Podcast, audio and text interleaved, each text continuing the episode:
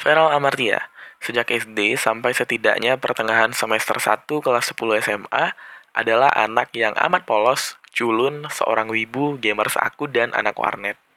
Polos dan culun banget, sering dikibulin teman sendiri, pernah juga ditipu waktu di warnet, duitnya dimaling, sama anak komplek waktu lagi ngenet. Intinya ya segala kepolosan melekat lah. Kadang heran, polos sama bego kok bedanya tipis banget ya. Jadi ingat juga nih, dulu waktu SMP hobinya pakai kaos kaki setinggi lutut. Bahkan pernah pakai kacamata dengan tali karet. Udah kayak nenek-nenek aja dulu. Gamers garis keras, anak warnet garis keras. Setiap mau pergi ke warnet, sering disindir tuh sama mama. Katanya, Fel mau ke mana? Mau dinas. Kadang kesel, kadang ketawa sendiri dengarnya. Ya, sebenarnya bukan polos, culun, atau gamers yang jadi masalah bagiku itu proses ya. Dan bagiku juga saat itu ya itulah pilihan yang terbaik. Tapi yang jadi masalah adalah siklus kehidupan aku yang flat banget. Bahkan kalau dibuat grafik kemajuan hidup kayaknya garisnya perlahan menurun deh. Nih sedikit gambaran. Dulu tuh ya aku paginya sekolah. Siangnya kadang kerja kelompok tapi ya kebanyakan main warnet atau nonton anime aja di rumah. Pulangnya malam. Selalu bisa nyisihin duit buat main warnet.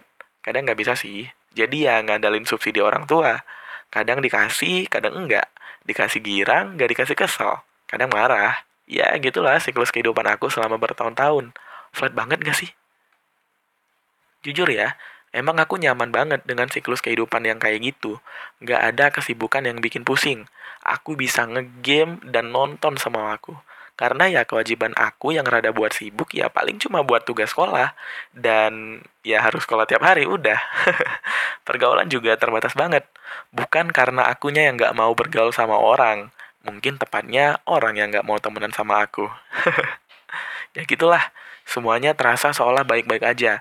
Aku nggak pernah sadar kalau selama beberapa tahun itu Sebenarnya, aku udah ngebuang mungkin ratusan atau ribuan keahlian yang bisa aku pelajari seandainya hidupku nggak gitu-gitu amat. Eh, by the way, aku juga pernah di masa itu ngerasain cinta lah. Ya, kebanyakan hampir seluruhnya berakhir gagal sih. Gagal sebelum jadian. Kira-kira gambaran kehidupanku dulunya seperti itu. Aku ngerasa ya, waktu itu aku cuma pengen jadi diri sendiri. Dan aku percaya itu yang terbaik buat aku. Dan aku ngerasa ya itulah diriku sendiri. Aku terlalu egois, terlalu peduli dengan kesenangan diri sendiri. Harus diakui, aku lupa dengan kewajiban diri sendiri untuk ngebuat diri ini jadi lebih baik dari hari ke hari. Kebiasaan hidup yang flat gak akan pernah ngebuat kita jadi lebih maju. Percayalah. Aku berpikir dulu aku gak perlu kehilangan diri sendiri demi jadi lebih baik. Aku dulu mikirnya siklus kehidupan yang kayak gitu adalah bagian yang gak boleh terpisahkan dari diri aku. Ya, aku rasa itu benar. Dulu, sebelum akhirnya aku coba ngambil sudut pandang lain tentang diri sendiri. Aku ngerasa ya kita nggak apa-apa kehilangan diri sendiri, asalkan itu demi ke arah yang lebih baik. Kalau ternyata diri kita saat ini kebanyakan dikelilingi hal yang nggak baik, atau minimal nggak ngebawa kehidupan kita ke arah yang lebih baik, atau justru kita jadi racun buat sekitar kita, ya kenapa enggak kan? Kenapa enggak kita buang jauh-jauh aja diri kita yang kayak gitu? Yang enggak boleh hilang itu bukan diri kita sendiri. Yang enggak boleh hilang itu nilai-nilai kebaikan dalam diri kita sendiri. Itu yang enggak boleh hilang, sampai kapan pun. Aku akhirnya memutuskan menjadi viral yang lain, yang lebih baik, lebih berani, lebih tegas pada keputusan sendiri, dan yang pasti viral yang berbeda, tapi lebih baik dalam versiku. Ya, Aku percaya setiap orang punya ukuran baiknya masing-masing. Pada akhirnya aku pernah, aku bersyukur pernah ngejalanin kehidupan yang kayak gitu.